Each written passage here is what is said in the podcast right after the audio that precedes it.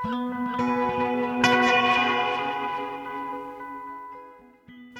og sæl ágættu hlustendur. Við sjá hilsar þriðdægin 23. ágúst. Ég heiti Melkorka Ólafsdóttir. Í þætti dagsins í dag, hins egin Hálendi, Jésu sem spilar á banjó, lóðréttar línur og láréttar og veruleikinn þar á milli. Í morgun var tilkynnt um handhafa alþjóðlegra bókmyndaveluna Haldós Lagsnes sem í ár er ukrainski reytöndurinn Andrei Kurkov. Kurkov sló í gegn með bókinni Dauðin og mörgæsin sem gerðan að þekktasta samtíma höfundi Ukraínumanna. Hann er afkastamikill reytöndur og hafa bækur hans komið út á 42 tungumálum. Á þessu ári kemur út bók með dagbókaskrifum Kurkovs sem hófust í aðdraganda innrása rúsa í Úkrænum. Við fjallum nánar um Andrei Kurkov þegar nær dregur að veluna afhendingu og í þætti morgundagsins heyrum við nánar af ukrainskri list enda þjóðháttíðadagur Ukraínu á morgun. En í þætti dagsins í dag verður farið víða að vanda. Við heyrum pistil frá nýjum pislahöfundi Vísjár, Erni Elvari Arnarsinni. Við heitum líka sviðshöfundin Hákonur Helgason og heyrum að fyrstu frumsýningu haustsins í Tjarnabíói Jésu er til og hann spilar á banjó. Þá förum við heimsókn í hverfisgalleri neðst á hverfiskutu en þar sínir Edda Jónsdóttir myndlistakona verk sín á síningu sem hún kallar teikningar. Þetta eru finlega myndir unnar með blíjöndum og vasslitt undir áhrifum borgarlífsins. Við ræðum við Eddu í galleríunu og líka síningastjóran Hildegunni Birgistóttur. En við byrjum á að bruna út úr bænum. Í Kakalaskála í Kringlumýri fara reglulega fram merkileg málþing. Á laugadagin næsta verður eitt slíkt og hefur yfirskriftina Náttúran. Fundastjóri málþingsins er Guðrún Ingolstóttir en fyrirlesararnir eru fjórir. Þau Ásta Kristín Benediktsdóttir lektor, Skúli Skúlason profesor, Astrid Okilvíe vísindamæður og Viðar Hreinsson sérfræðingur á Náttúruminjasafni Íslands. Fyrirlestur Víðars ber titilinn Þú hafðir ekki skín á skapara þínum og Ástakristín fjallar um íslenska hálendið sem hins einn rými. Við fengum þau Víðar og Ástu í viðtal og byrjum á því að spyrja Víðar út í efnistökinn.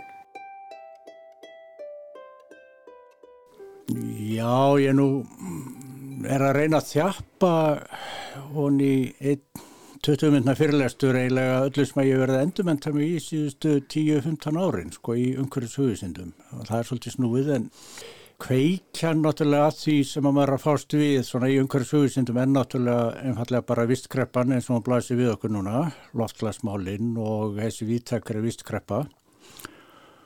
Og uh, ég hef mikið verið að velta þessu fyrir mér sem sagt uh, hvernig við hugsum um fyrir bara eins og náttúruna sem að náttúrulega endurspeglar sko orðið eða merking orðsins og breytingar á því endurspegla sem sagt kannski umgengni okkar við hana og, og bara heila hvernig við komum fram við hana. Og þess vegna ætla ég að fara svolítið lánt aftur í tíman, alveg aftur í gríska hinsbyggju og fortsögur og velta fyrir mér þessum tveim hugtökum náttúra og sköpun vegna þess að uh, á kannski segjum á endurreitnatímanum eða þá sérstaklega með vísindabildingunni og upplýsingunni þá eru þau svo djúbstæðar og gaggira breytingar á merkingu orðsins og þá fórum en sem sagt að ímynda sér að náttúrann væri vél sem hægt væri að skilja átt að sé fyllilega á og þess vegna ráðskast með og uh, Þar eru að mörguleiti kannski rætunar að vandanum í dag. Hugtæki sköpun, ég nota það svolítið vegna þess að uh, orðið náttúrulega latnest og það er ekki til í fornu norrænumáli en sköpun er til og að mörguleiti þá eru þetta samsvarandi hugtök, hugmyndir og uh, ég nota orð sem úr hrólsögu krak að þú hafður ekki skín á skaparaðinum er uh, í mjög merkilegri frásögnir hrólsögu krak sem er í rauninni svolítið eins og heimslita frásögn og meira allir ekki að segja í bíli um þetta. En, þetta er svona meginefnið. Ja. og við langar til þess að benda sem sagt á að við þurfum að huglega sem sagt hvernig við skiljum og skiljum náttúruna til þess að geta einbjöðt okkur betur að því að hreinlega breyta öllum okkar lífsáttum til þess að, að hérna, bjarga lífum eins og jörðinni. Ymmitt. En er hægt að hugsa sér út úr þessu vandamáli? E, við hugsaum okkar ekki út úr því því að, að hérna, það þarf aðtæfnir og breytingar á lífsáttum. Það þarf að trappa nýður uh, neyslu, alla neyslu Þess að þetta er svolítið dagfælegis í umræða núna undanfæri misseri um, um orkuskiptu og þurfum alltaf að virkja meira og meira til þess að halda, til að fá meiri svo kallega sjálfbæra orku vegna þess að uh, það sem þarf er einfallega bara að minka alla nýslu og uh, á, á Vesturlöndun alltaf sérstaklega.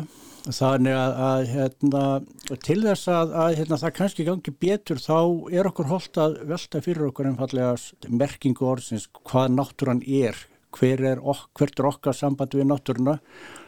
Núna er miklu meira að fara að tala um að við séum hlut til náttúrunar, hún sé ekki svona viðfang til þess að ráðskast með, heldur nú erum við lóksins átt að sjá því aftur að menn eru hlut til náttúrunni og verða að haga sér samkvæmt tí.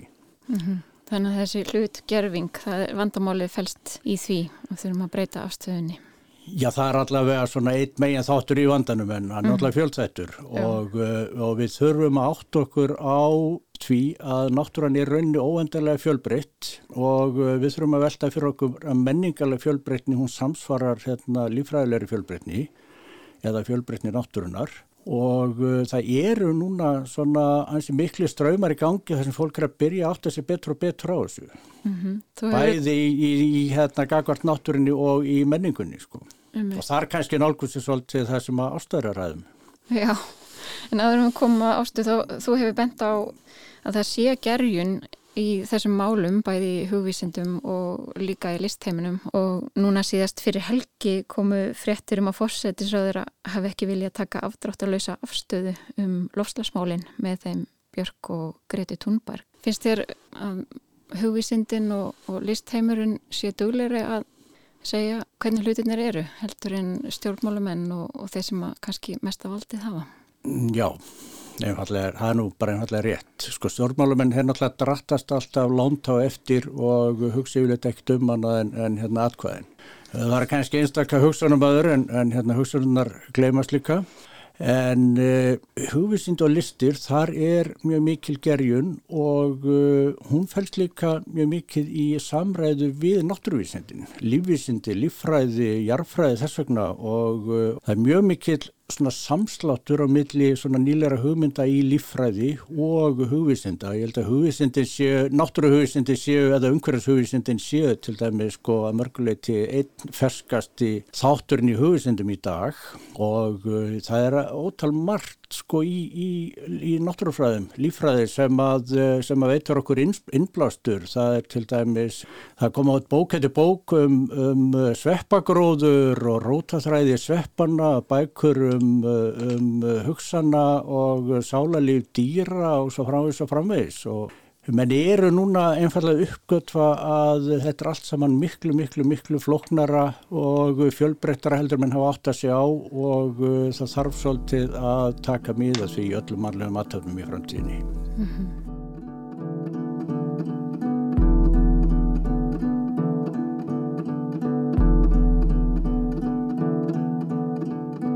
Ásta Kristín, þú ert ekstra við mývatn.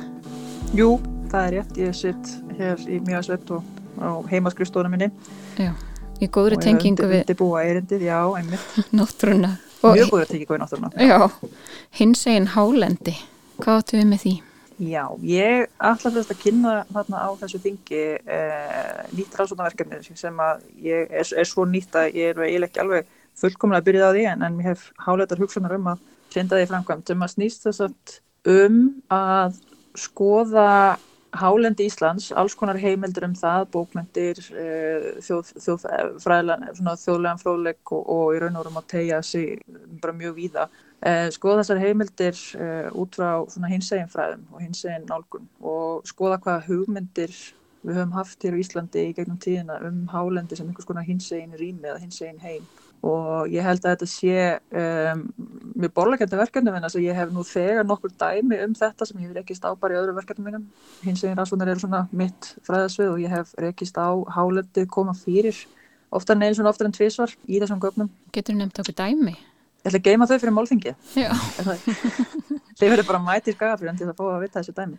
Já. En þau eru mjög áhugaverð og örgulega mjög mörg og ég hlakka mjög til vonandi næja að búa til og þessu svona þverfaglegt uh, rannsóknarverkefni sem að, að, að það sem ættir að skoða heimundur og mjög ólíkum áttum uh, um þetta fyrirbæri.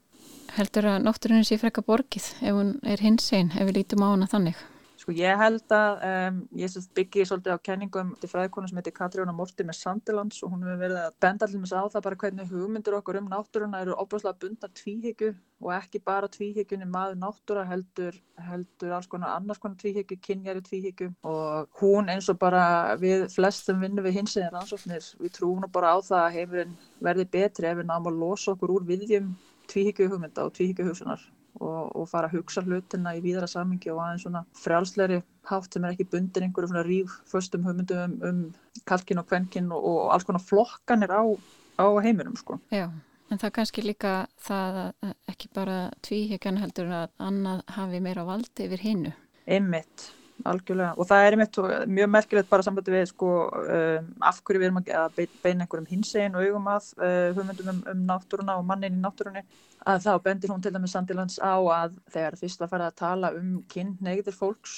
þú veist að undir lok 19. aldar og hafa verið farið að flokka þær í einhverju læknisfræðilum skilningi að þá var flokkurinn fyrir samkynnið og allar hinnar og afbreyðilegu kynniðarnar þá flokka sem ónáttúrulegt og bara til dæmis laugin sem að bönnuðu samræði fólks að sama kynni á Íslandi til dæmis þau lögðu bann við samræði gegn náttúrulega eðlis. Þannig að alls konar hinsegin leiki sem við kallum í dag hefur oft verið flokkaður undir það sem er kallað ónáttúrulegt eitthvað sem er ekki náttúrun er, og, og ég held að eh, eitt af okkar markmjöðum núna sé að, að leysa okkur svolítið úr viðjum þessara umræðu og bara einmitt, eins og við að sagða áðan við þurfum að skoða náttúruna og mannin í náttúruna er miklu víðra samengi heldur en við höfum kannski gert.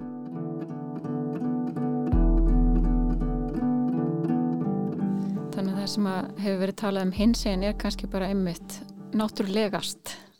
Já, einmitt þú hittir alveg naglan á höfuðu þarna sko. Að, að hérna að það að því að sko Ástakristin talaði um að leysa úr viðjum tvíhíkjunar og þessi gerjun sem að ég var að tala um er snýst einmitt um þetta að leysa endalösa fjölbreytni, óendalega fjölbreytni úr þessum viðjum og það er menningarlega náttúrulega lífræðilega fjölbreytni. Og þess vegna til dæmis finnst mér vera svo áberandi núna bara síðustu árin að það eru allt í einu að byrtast á yfirborðinu í bókum og alls konar samfélagsfyrirbærum, menningarlegum fyrirbærum og til endi nýja rattir sem áður hafa verið bælda nýður og þetta er svolítið í bara samræmi við það að átt að sé líka á því að náttúransi fjölbreytt og mannlífi líka þannig að þetta fellur svolítið saman í kannski svona nýja og efnilega hreyfingu. Einmitt. Vísindahyggjan hefur haft þessa þörf og gengist út á það að skilgrana hluti og, og segja hvernig þeir eru eða útskýra en það getur kannski líka virka sem haft að við sjáum ekki alveg stóra samingið vísindi hafa ansjú oft og mikið haft tilhengu til þess að smætta hluti í einfaldar og viðráðlega stærðir og leitað einhverjum smæstu einingum og svo halda menna að þar sé líkillin að eh, einhverju miklu starra og meira mm -hmm. en hlutin er ekki svona einfaldir Nei og svo hefur markasíkjan tekið við og, og algoritmannir er reyna að reikna út hvað við viljum helst neyta með þér skilgjörun okkur Já, já, já, ég, já. Já, ég held að ef við bæta þess við þá held ég að sko samvinna uh, í mjög fjölbryttum, eða í mjög viðfæmum skilningi sé líkillin að því að leysa úr öllum okkar vandamálum. Þú veist það er búið að búið sína fram á það að fræðigræðinar sjálfar og sviðin sjálf þau leysa ekki til dæmis stóru vandamálinn sem að blasa við okkur í dag ein og sér. Þau verða að vinna saman og ekki bara náttúruvístu og hugvísiti heldur í víðara skilningi og líka vísindin og, og almenningur og, og, og svo framvegis og framvegis. Ég held að nálgunin verða að vera svolítið, svolítið á þann hátt. Það er einn að brjótast út úr þessum hefðbundu hugmyndu sem hafa kannski heft okkur og finna nýja leiðir. Þetta eru svona samræður sko í samræðum að milli sviða, milli þáttæmarlifinu, milli vísendagreina að þá lýsir alltaf hvað annað upp. Mm -hmm. Það er einfallega sko það sem liggur í samræðinni. Hugmynd kveikir hugmynd sem kveikir aðra hugmynd og svo kveiknar ennanu betri og svo framvegi sko. En að þú nefndir algoritmar áðan, þetta var held ég til ábyrjandi hugmynd á tímabili og er kannski ennþá hjá stóru tölveri svona, ég man ekki hvort að Google eða Facebook eða Microsoft, að þar var maður sem hafði þá hugmynd að það væri hægt fullkomlega að líka eftir og ná yfir fjölbreytni, eða lífræðilegri fjölbreytni, væri þetta að ná allir henni inn í algoritmana og sem sagt öll bóðskiptin í tölvuheiminum sko. Svona tölvu sveppa kerfi. Já, þetta er bara, þetta er bara ringlandi galið sko, þannig að hérna, við erum ekkert eldast við það en, en með létt þessi dreyma um þetta. Já, en nýtt rannsóknarsettur í náttúruhugvísundum í Þingasveit, er, er það partur af þessum hugmyndum ykkar um samtal? Já, það er það. Þetta er nefnilega svolítið spennandi. Við viðar og fleiri erum að vinna að því að setja bara á stokk rannsónasettu sem einbyrðir sér að þessum náttúru hugistum og þessari viðtæku þverfælegu samvinnu sem við höfum verið að tala um hér. Það er enn í ferli en, en, en plani er að stopna það og það mun þá starfa hér fyrir norðan í Þingjæsveit. Þetta er virkilega spennandi málþing álegu dæin. Við kveitjum sem flesta til þess að kynna sér þingið og fyrirlestrana sem þar fara fram. Takk innilega fyrir komuna. Viðar Reynsson og Ásta Kristín Benediktsdóttir. Takk fyrir mig. Takk, takk.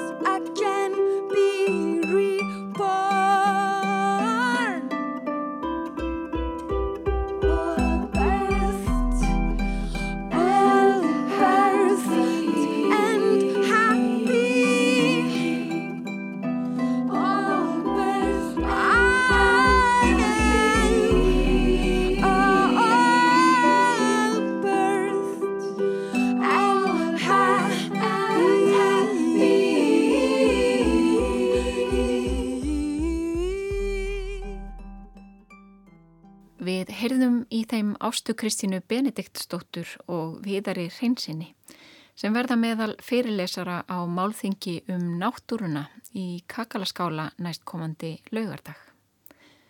Og þá tekur nýr pislahöndur við sjár við. Það er skaldið Örn Elvar Arnarsson. Hefur þú huglegt það? Þú sem situr núna við útvarpið, situr í bílnum með hugan heima eða við hillur búðana, Þú sem situr einhver staðar og ert með hugan á ferðalagi um þjóðvegin sem ekinn var í sumar.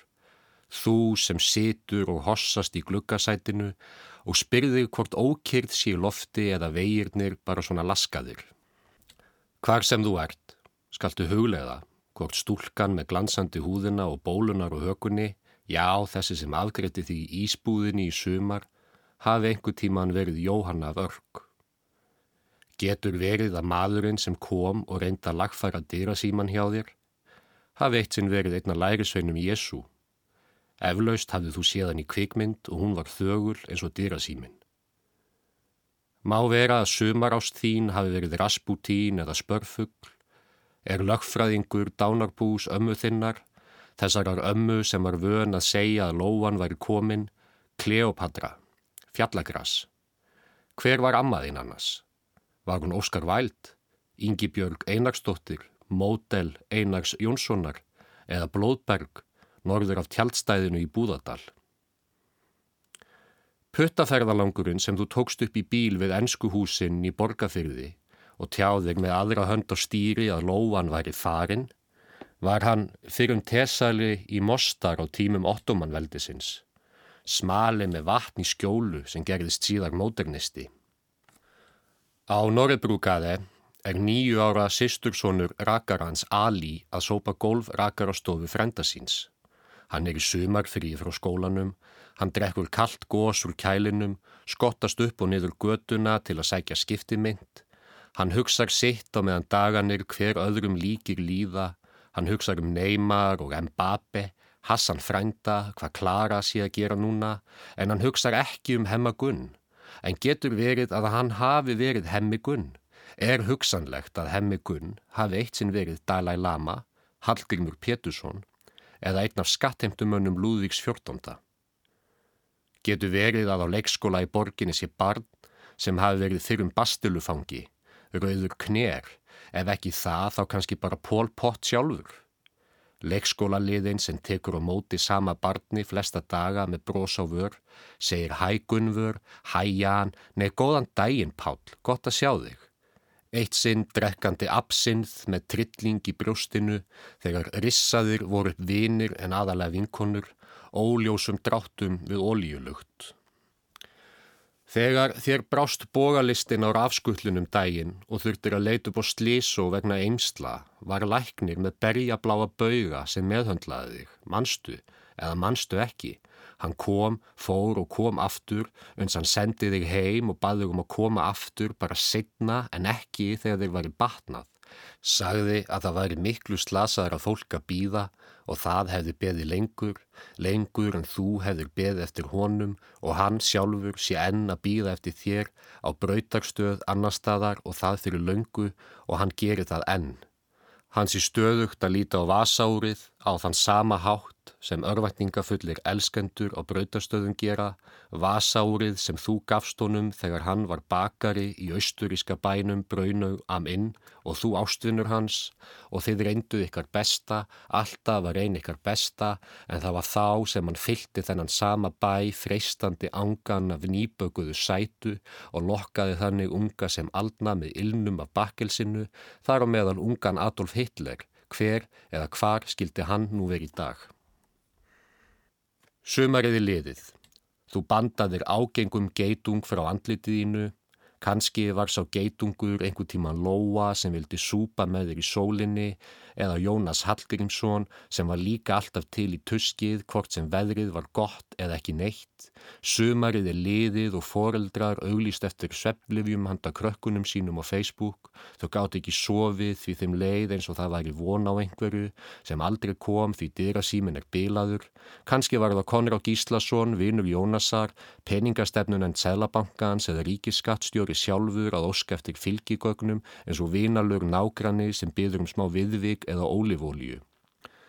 Heimurinn er handan dyrasímans og náttúran er alltaf í brjóstinu, ef hún er ekki þar þá er hún sennileg í þindinni og lóan hún kemur alltaf aftur. Fóreldrar vilja að börnin sín sofi því fóreldrar fór samviskubit þegar þau horfa á börn sín sofa og það gerir þau mennsk því það er mennst að svæfa börn eins og þið hafi gert oftar en hægt er að telja og á ólíklustu stöðum heimsins í hinnum fjölsgrúðustu vistaverum manna frá upphafi tímans. Börn framtíðarinnar hafa fæðst áður sem konur sem menn, hán og kvár gáð til veðurs og hengt þvott og snúrur látist úr barsförum, komið undir oft, komið undir á sóttarsængi í einn af þeim fjölmörgu pestum eða pláum sem dunið hafa yfir, eins og sprenguskutur og kval átta.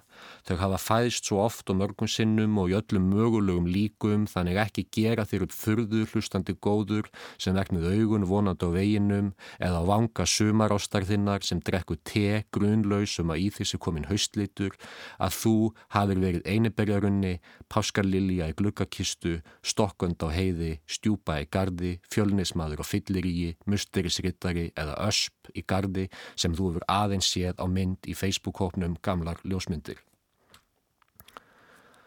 Bardgóði rakarinn á Norribrúkaði veit ekki að hann hefur séð borgir um allar grundir rannast upp í fjarska því hann er alltaf í ringiðu eigin tíma. Hann veit ekki hvað nafn má gefa þeirri tilfinningu sem hann finnur þegar hann vinnur með blöytt hárþitt í höndunum en hann er fullkomlega grunlaus um að hann var kannski í einhverju fyrralífi sínu að höggu út annað bútalíkneskið í bæmann, tepla skák í Hjalta, horfa á hemmagunn leika knatsbyrnu með Essi Eisenstadt, húkað gulan leigubíl í svarkvítri kvikmynd sem hann horfir á síðar án án þeirrar vittnesku að hann sé að fylgjast með sjálfum sér. Það þurfti tvo til þrjá sprengjuskutla til að fella langreið sem einhver tíman og bara kannski einhver tíman satt til borðs og raðaði í sér reik úr síkarettum og hlófið bítskáldum. Fyldist aktofa í kvítri stuttarmaskirtu með tunglendingunni, þótti vaðmál einhvers virði, elskaði reynd og ómengað fyrir klámöldina eins og í ljóðaljóðunum, furðaði sig yfir öllu og engu, Það þurfti þrjá til fjóra sprengjuskuttla til að fella æg hver nennir eiginlega að telja þá því það er eldgós sem er núna hægt og við erum öllu upplýstar um alheiminn en fyrir sumar og við erum öll á leiðinni þangað, búin að velja okkur eina af þeim fjölmörgu vetrabrautum sem við sáum úr sjónaukanum. En það er eitthvað sem brennur og það er sennilega náttúran, brjóstþitt, Ástralía og Greta Garbo sem kóalabjörn, Snorri Sturluson í kengurupoka eða bara einhver öllum glemdur eins og jakki á krá eða bara einhver eins og ég og þú sem búum í leigu íbúð og skiljum ekki af hverju okkur þykir undarlegt að vera uppið veggin þegar við sofum, getur það verið að við höfum verið einhver tíman byltingamenn og konur, bólsívikar eða kvítliðar eða hvað þetta heitir allt eins og pestirnar og enda líf okkar fyrir framann aftökusveit sem skauta á okkur þremur til fjórum, já ef ekki fimm og sex sprengjuskutum til að granda okkur. Þau börn sem komu undir í sumar, kannski með sumarástinni, kannski skipulögð eins og áallunaflug, út í heim eða strætóferð, má vera að þau hafi verið úkrænskir ríkisborgarar eða rúsneski dátar sem hafa verið send út í opinn döðan og skákborði heimsins. Mun fæðingadeild, landsbítala, háskólasjúkrahús verða starfhæf, verður sveppfriður fyrir sengurkonur, fyrir stríðsópum og ættjarðaljóðum í vetur, Fyrsti grátur þessara barna verður endur tekið efni eins og ráseitt í þrengingum. Hvað veit maður? Annað en að teiningunum hefur verið fyrir löngu kastað, spílinn stokkuð og okkur sem barst glukkapóstur um að við ættum tölvupóst þess efnis að lesið hefði verið í stjörnunar fyrir margt löngu og þegar þú kveður sumarið og haustlaufinn taka fenna yfir þig getur þú kvíslað ekki grát ástinn mín hver sem þú ert við verðum líka til í annari eilíf, einhverju öðru lífi. Örn Elvar Arnarsson færir okkur fleiri pistla á næstu vikum í Víðsjá. En þá yfir í myndlist. Teikningar er heiti á síningu Ettu Jónsdóttur myndlistakonu í Hverfisgaleri neðst á Hverfisgötu. Myndirnar eru margar og nokkuð nettar finlegar línutekningar. Í álíkanettum texta sem fylgir síningunni og Hildegunur Birgistóttir síningarstjóri Rítar segir meðal annars Pappirinn er til grundvallar. Það fer eftir dagsformunu hvort teikningin fer upp og niður eða til hliðana. Það eru frjálsari til hliðana, hitt er jarðbundnara. Blokkirnar hrannast upp, kerfin skarast. Högtið við vatslitin þegar blíjanturinn kemur á eftir. Stundum eru allir litirnir uppurnir, vantar áður óþættan lit svo myndin gangi upp. Þar gera það stundum og stundum ekki. Tilfinningin er góð eftir sem áður. Þessar klauvalegu fara á varamannabekkin. Róa sig. Það verður kíkt á þær setna. Þetta eru teikningar sem fjalla um lífið, þetta lárétta og lóðrétta og allar ákvarðanir þar á milli. Guðni Tómasson fór í hverfisgaleri í morgun og hitti þær Eddu Jónsdóttur og Hildegunni Birgisdóttur. Edda teikningar hérna í hverfisgaleri, eh, fínlegar myndir hér upp á veggjum í svona áþekkum tónum flestar, grænir tónar, brúnir tónar, bláir tónar, gulir. Bleikir. Bleikir, aðeins, aðeins bleikir. Kanski fleiri lítir en maður heldur í fyrstu. Segð mér hans frá því hvað þú vart að gera með þessum teknikum. Þetta. Sko það er láta nú lítið yfir sér þessar en það er urðu til í rauninni þegar ég flutti af uh, úr einbílisúsi í blokk á efstæð. Það fór ég að horfa á borgina svona með öðru, öðrum augum og bara teikningar komu og þær eru kannski ekki ljóslega neitt borgarlegar. Nei. Þær eru kannski unnar meira eins og í svona rýðma og kannski má, kannski má horfa á þetta svona eins og ég sé að skrifa ykkur að kabla eða allavega eru þær gerðar með ánægu og gleði og og daldið svona, hvað segir maður, óþreyfullt. Ég var þeil að vera alltaf að þessu ja. og þetta var í COVID og ég var nýbúin að hafa síningu og ég bara verða að segja komst í stuð og þetta held mér lifandi þennan tíma, algjörlega. En áhugavert á nefnir borgina vegna þess að bara um leið þú segir það þá fer, fer hausin á manni af stað og maður fer að horfa að vilja á rúður eða þetta er ykkur rúðustríka blað eða borgarskipulag eða gatnakerfi eða leiðslukerfi eða eitthvað slíkt. Það er svona, kviknar svona strax einhverjar, einhverjar tilfinningar.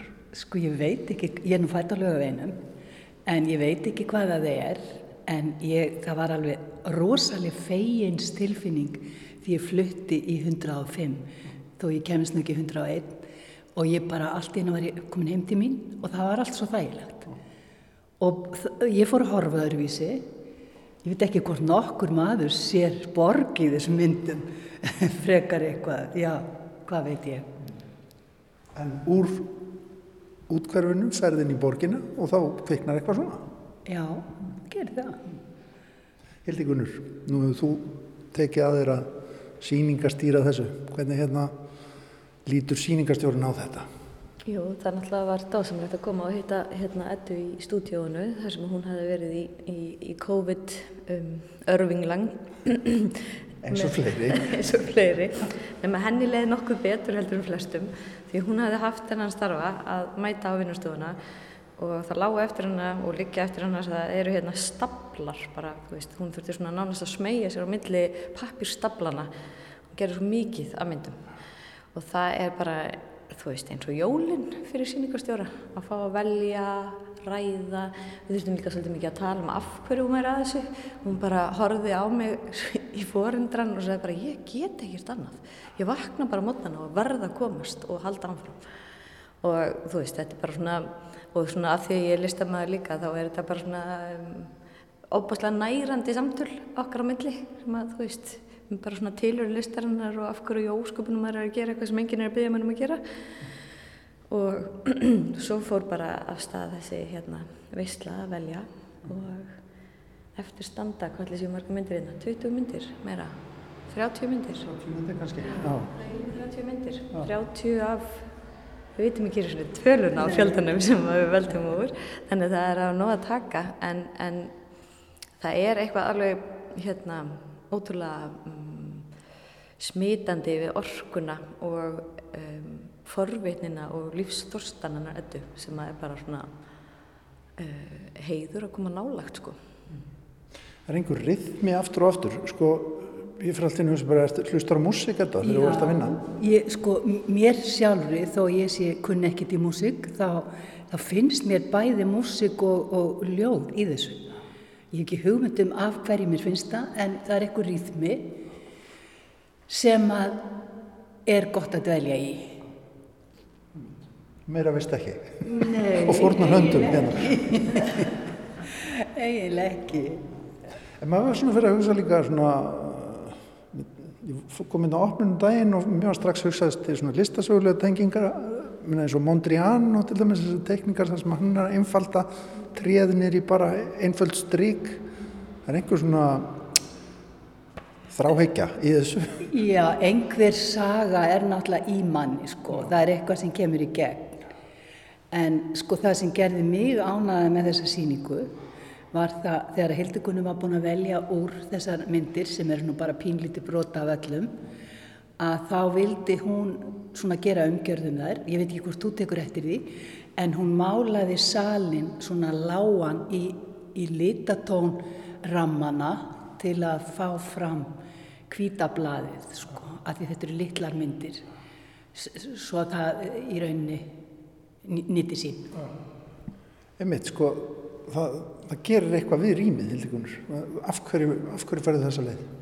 Um, ég held að ég sé bara að reyna að leggja áherslu á, á myndirnar sjálfar þannig að þú horfir á þe- þetta, þessi augnablík sem að Edda var að upplifa í vinnustofunni sinni þetta er mjög svona nöytnar hérna, þótt að það virðist kannski einmitt stránglínu hérna verk að þá, þá er mikil nöytnarna það er blíjandur, það er efni veist, hún, það er endutekning það er mikil íhugun og, og, og einhver núvindund í hverju verki fyrir sig. Og mér langaði bara að leggja áherslu á hvern myndflöt fyrir sig þannig að í raun og veru verður allt rýmið eins og passepartout, eins og sko innrömmun í sjálfu sér með því að gera þetta og þetta eru litlu myndir eins og þú segir og mér finnst þetta að vera sko fallegur skali en þetta er mjög mannlegur skali. Þetta er svona kannski skali sem að menn nota til yfirsýnar. Þetta er nánast afhjóðublöð þetta er kortir í Excel.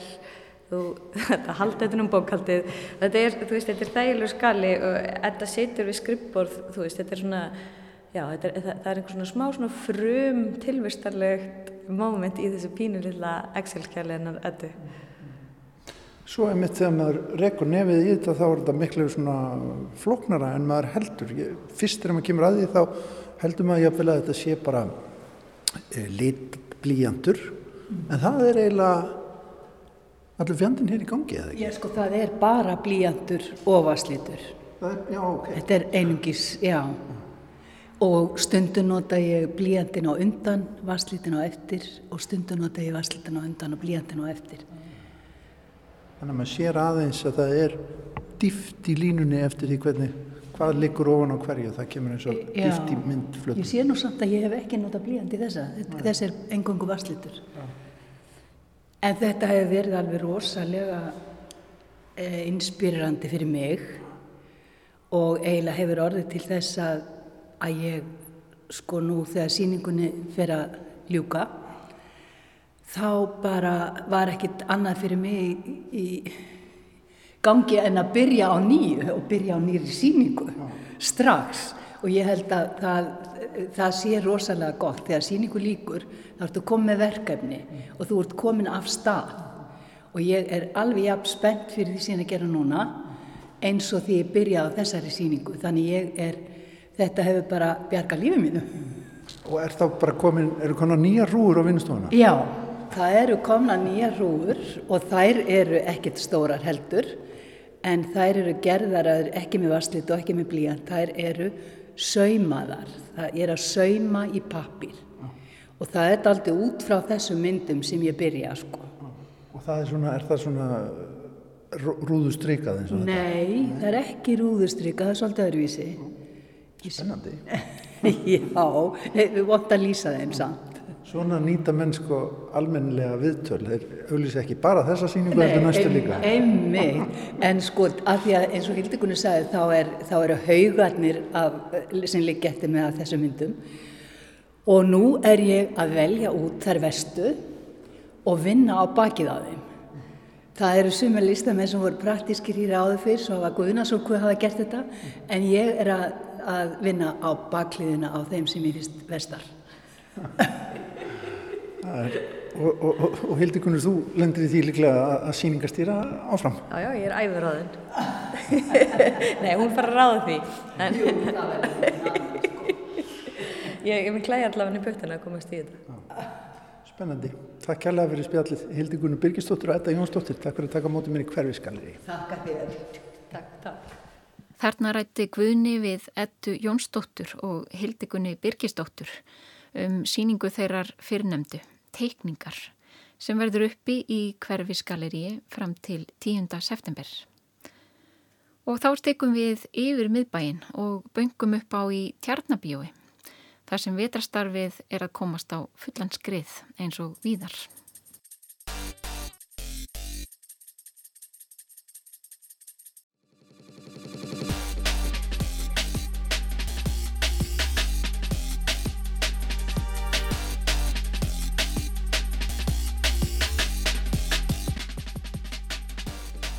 Hákonur Helgason, við hefum hérna aðeins tónlist úr verki sem þú ert að frumsýna í Tjarnabíói næstu helgi. Þetta eru ekki banjótónar.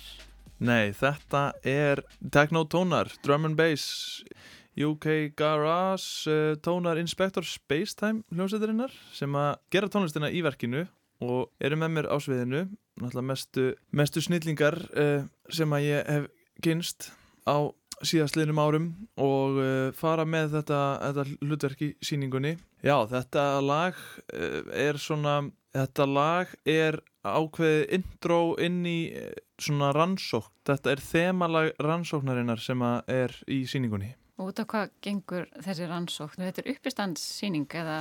Það er uppistand í síningunni, já, uh, en þetta er líka bara svona gaman síning. Það var líka að kalla þetta uppistandsleikhús. En í síningunni sem að ég flytt sjálfur og sem sjálfur þá, þá er ég raun að rekja ferðalag sem ég fór í þar sem ég var að leita af manni sem að ég sá spila á Banjó í Vesturbælug og svo er alls konar uh, óvendar beigur þar á ferð. Ég er sem sagt ákveða að hefja þessa leit og fara alla leið inn í það. Og markmiði með síningunni er að gera bestu síningu sem að hefur verið gerð. Það er ekkert smáraði. Nei og við sjáum á sviðinu bæði hvernig gengur að, að hafa upp á manninum og hvernig gengur að gera bestu síningu sem að e, hefur verið gerð. Þetta er svolítið, þetta er svolítið inspirerað af síningum eins og Club Romantica og grínustum eins og Nathan Fielder og James Acaster sem er breskur uppistandari og Nathan Fielder er kanadískur e, sjómanstátagrínisti og e, já, ég auglýs eftir fólki á Facebook til þess að hjálpa mér að finna mannin og ég set saman ákveði svona rannsóknar teimi og deili þarna sviðinu með uppáhaldsjónsettinu minni, Inspector Spacetime Mm -hmm. sem að e, ég á í samtali við í gegnum alla síninguna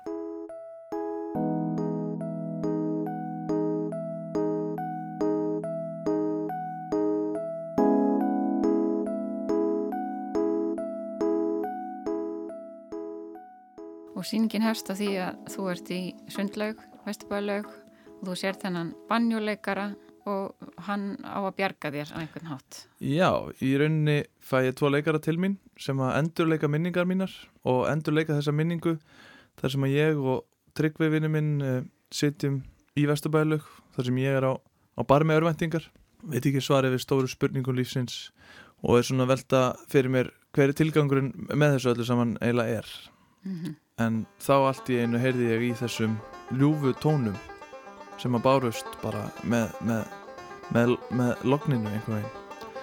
Og þetta var svolítið skemmtilegt að þetta var svona þetta var haustdagur en það var sól. Og það var algjör lognmódla einhver þannig að veist það, það, það blés ekkert og það var bara geggja veður og svo allt í einu byrjaði einhver maður að spila á banjó og þetta einhver veginn það bara lifnaði yfir mér. Og ég hugsaði þarna er einhver maður sem er með eitthvað það er ekki allir sem að getur til dæmis farið á almenningstað og bilað á banjó sem að, ég, sem myndi segja að vera nokkuð umdelt hljóðfæri. Það er rétt. það er ekkert allir sem að, sem að hoppa og húrra yfir því að það sé verið að spila á banjó. Nei, þetta hefur verið svona dagur eins og dagurinn í dag svolítið, svona sólríkur, já, síðsumar dagur. algjörlega, þetta, þetta, þetta var það. Og, og, og það var líka bara svo gaman hann í, í lauginni hvernig það lifnaði yfir öllum einhver veginn, þú veist, það var bara kallanir sem voru að rífast í pottinum hætti að rífast og fóru að hlæja saman og, og hennu voru allir að flikkast að þessu manni hann með banjóið og svo í rauninni löngu síðar sko, þá ákveði ég að fara að finna Okay. þannig að það er liðin langur tími frá því að, að minningin átt sér stað og, og ég er búin að vera á sama bömmir í ákveðin, ákveðin langan tíma. Heldur þetta hafi verið Jésu? í sko, ætli fólk verði ekki bara að koma á síningunum til að komast að því? Hann var allan með sítt hár og skegg. Ok, Staðalímynd af Jésu. staðalímynd Jésu svona bara eins og á málverki sko. Ekki eins og hann leitt út í alvegni kannski en eins og uh, hann hefur verið málaður í, í mörg þúsund ár. En jú, hann allavega fyrir mér þar, á þessu augnabliki þá byrtist það mér eins og Jésu eins og einhvers konar svar uh, við ákalli mínu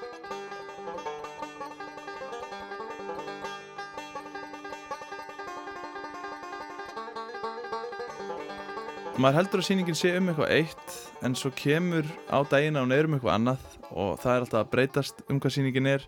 Og ég er svolítið að fjalla um uh, hvað það er miklu erfiðar að, að líta á það þannig að hamingjan sé eitthvað flóki fyrir bari fyrir en hún sé bara bundin við eitthvað eitt. Það er, það er mjög auðveld lausn og, en það er kannski ekki ekki raunverulegt. Og þetta fjallar svolítið um kallmennskuna í því að segja, heyrðu hérna er svarið, þetta er það, þetta er komið og ég þarf ekki að, að pæla í neinu fleiru eða skoða meiri kringum mig og, og raunni vonbyrðin sem að fylgja því að komast að því að það er ekki svo einfalt. Nei, en svarið fælst ekki í einum Jésu sem spilar á banjó. Ekki endilega. Nei, og hvað gerir þú þegar þú ert komið svona fram úr þér og búin að leggja allt í það að ætla að, að svoleiðis finna svarið og svo er það alls ekki það sem þú bjóst við. Hvað gerist þá? Mm. Það er í kynningateksta um síninguna þá kemur fram að þetta sé markkópurinn sé fólk sem venjulega fer ekki í leikús. Hvað er áttuð með því? Já, það, það er hérna, ég nefnilega skrifa þessa síningu að því að þegar ég var krakki og úlingur þá hérna fannst mér leikús ótrúlega leðilegt og ég held að það bara verið að því að ég sá frekar leðilegt leikús eða svona leikús sem að mér fannst leðilegt og þegar ég byrjaði að gera þessa síningu þá langaði mig rosalega mikið að gera síningu sem að ég hefði fílað að sjá þá. Þannig að já, því ég held í ótrúlega mörg ára ég fílaði ekki leikurs, þannig til að ég byrjaði að sjá síningar sem ég fílaði og þá kannski fílaði ég bara ákveðina hlið af leikursi og, hérna, og þetta er svona síning, hún er rosalega aðgengileg. Ég kem og segi hæ, ég heiti Hákurinn Helgarsson og þetta er þessi síning og við ætlum að gera þetta. Og, og allt sem gerist í síningunum gengur út á þetta samspil með áhöröndum þar sem við erum í ákveðinu leik, þau vita hvað er í gangi og, já, og síningin er einhvern veginn að koma þeim á, á óvart. Mm -hmm. sko mikið af humornum í síningunni kemur frá því að e, það kemur eitthvað í ljós eitthvað svona eins og hulu sér svift ofan af einhverju. Og eins og ég sé síninguna þá þá er þetta bara það er eitthvað, eitthvað epli og svo búið að setja svona 20 lög ofan á eplið og svo er ég bara höfturlega síninguna að taka hvert lag af. Þetta er svona myndlíking sko. Ég, ég myndi ekki beða fólkum að kaupa miða á mig að lifta 20 lögum af epli. Það, það er ekki það sem gerist í alverðinni sem betur fer. Þetta er listræn myndlíking. Þetta er listræn myndlíking. Þetta, þetta er lítið ljóð um Já. uppbyggingu síningarinnar Ég skilju og þetta er fyrsta frumsýning höstsins í Tjarnabíu og það, það er svolítið breytt Tjarnabíu eða ekki, það er komið nýr framkvæmtastjóri Sara Marti Guðmstóttir e, Jú, þetta er hérna þetta er fyrsta frumsýningin og hún Sara hefur tekið við núna sem nýr uh, framkvæmtastjóri, leikustjóri og Já, Tjarnabíu eru gangið gegnum nokkar breytingar sem er bara geggjað. Það er búið að færa barinn aftur inn í gamla fórsalinn og núna er búið að opna nýtt lítið svið í fórsalnum, það sem að gamli barinn var, þar sem að verður búið upp á svona minnisýningar, til dæmis uppistönd. Stefán Ingvar er að výja það svið á fymtudaginn. Mm, Félagin í Vafáes. Félagin í Vafáes, já. Hann er þar með geggjað uppistandsýningu sem heitir fullkomið ójænvægi og verður klukkan halv sex á fymtdægin og svo teki ég við á stóra sviðinu á sunnudeginum. Og það er verið að kalla eftir en þá starra tjarnabíói. Það er mikil vöxtur í tjarnabíói þessi dagina.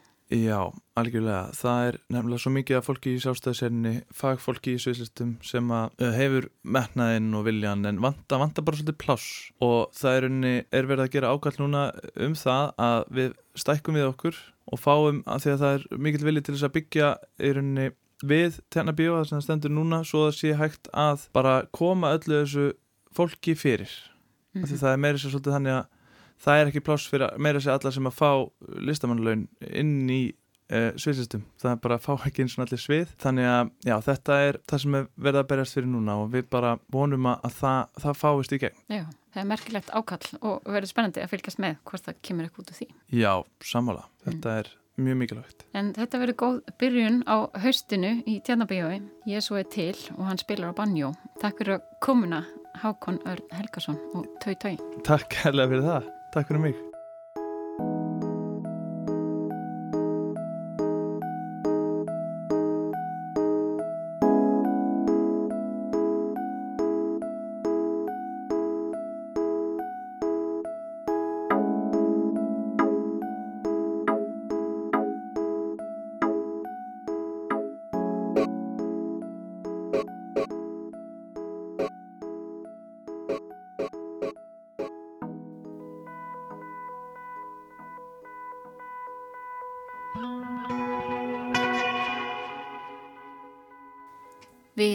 Hittum sviðshöfundin Hákon Örn Helgason og heyrðum af síningu hans Jésu er til og hann spilar á banjó sem frumsýnd verður á sunnudag og sínd út septembermánuð. Og þar með líkur þætti dagsins. Við sjá verður hér aftur á morgun á rás 1 klukkan 16.05 og í spilar á streymisveitum þegar ykkur hendar. Takk fyrir samfélgina í dag, verðið sæl.